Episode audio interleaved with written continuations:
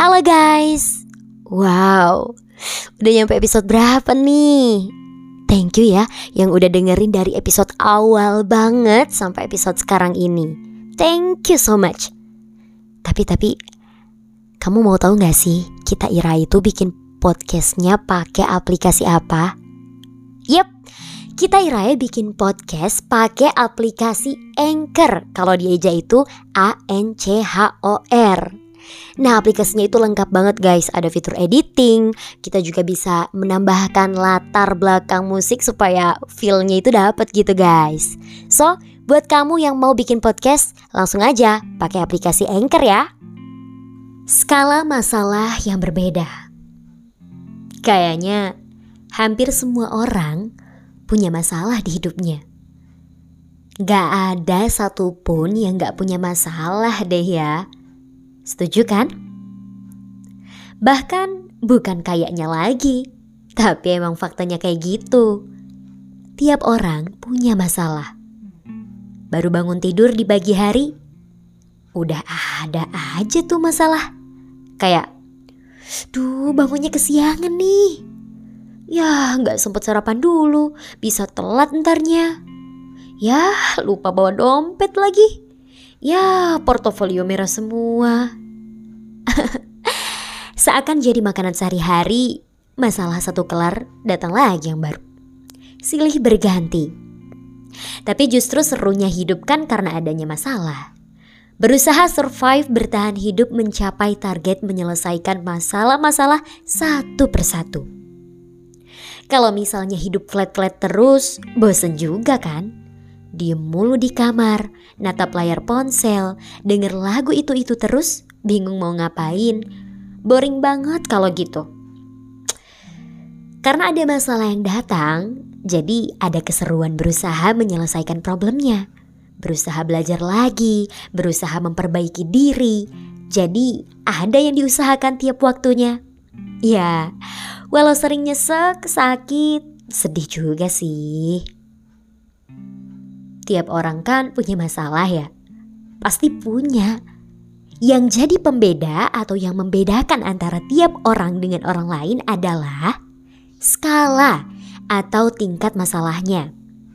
Ini yang kerap kita lupakan. Banyak dari kita yang sering menganggap remeh masalah orang lain. Mungkin kamu salah satunya Aku juga kadang merasa kayak gitu. Misalnya, ada orang kehilangan uang 20 ribu. Bagi mereka yang uangnya banyak, 20 ribu doang mah sepele banget. 20 ribu doang mah buat bayar parkir aja. lah tapi, kalau misalnya yang hilang uang 20 ribunya itu orang yang lagi butuh buat makan saat itu, udah gak ada dana lagi. Dapat 20 ribu juga hasil kerja dulu kan kehilangan uang 20 ribu jadi sangat berarti. Bisa ngerasa nyesek. Skalanya berbeda. Atau misalnya gini deh. Owner perusahaan dikasih tahu kalau ada orang kehilangan uang 20 ribu. Mungkin bisa jadi reaksinya seperti ini. Ya elah, 20 ribu doang? Lah gue, mikirin gimana biar perusahaan gak bangkrut, bisa gaji karyawan. Nih lah, gue kasih 100 ribu, Hmm, beda kan skala permasalahannya? Yang satu kehilangan uang 20 ribu, yang satu lagi bikin perusahaan biar nggak bangkrut. Tapi, kalau kita melihatnya dari latar belakangnya atau keadaan di balik masalah yang sedang dihadapi, ya kedua masalah itu sama-sama bisa dikatakan berat juga. Hanya di skala yang berbeda dari siapa yang mengalaminya. Itulah mengapa semakin kita dewasa, kita perlu memahami suatu hal tidak hanya dari sudut pandang kita sendiri. Tapi coba deh pakai sudut pandang orang yang sedang mengalami peristiwa itu. Coba tempatkan diri kita pada situasi yang sama dengan situasi orang yang sedang mengalami masalah itu. Lebih pakai empati. Kadang ada juga orang lain yang bermaksud ingin menolong kita atau memberi solusi dari masalah yang lagi kita hadapi. Tapi jatuhnya justru menjudge atau menghakimi kita. Seakan udah membudaya di negeri ini. Tiap ada orang yang punya masalah, orang lain ingin ikut-ikutan mencampuri masalahnya. Memberi solusi kepada orang yang lagi ada masalah Bukan hal yang salah juga sih. Hanya saja di beberapa situasi kita juga perlu tahu batasan-batasan kapan kita perlu memberi tanggapan pendapat kita atau hanya perlu menjadi pendengar yang baik aja. Karena ada juga orang-orang yang cerita ke teman, saudara, orang tua yang tujuannya hanya untuk sekedar cerita. Buat ngeluapin apa yang lagi dirasain, kalau dipendam sendiri bisa mengendap di hati bikin gak nyaman. Tujuannya kan cuma cerita aja untuk didengar, bukan untuk dihakimi, apalagi disalah-salahkan. Gak enak kan kalau misalnya kita lagi cerita, tapi justru disalah-salahkan. Kalau situasinya dibalik gimana? Orang lain yang cerita ke kamu, tapi kamunya justru menjudge atau menghakimi dia. Sama nyesek juga. Cuma kitanya kadang gak sadar kalau respon yang kita berikan ternyata malah menyakiti orang tersebut. Karena itu, penting untuk belajar memposisikan diri kita pada situasi orang lain yang lagi ada masalah. Misalnya kita cerita ke teman, eh gue butuh duit buat sekolah nih. Terus temennya jawab, lah lu mah mending gue kagak sekolah. Kalau udah terdengar suara lah, lumah mending, lah, lumah mending. Dah langsung skip. Yang ada malah hanya membanding-bandingkan masalah.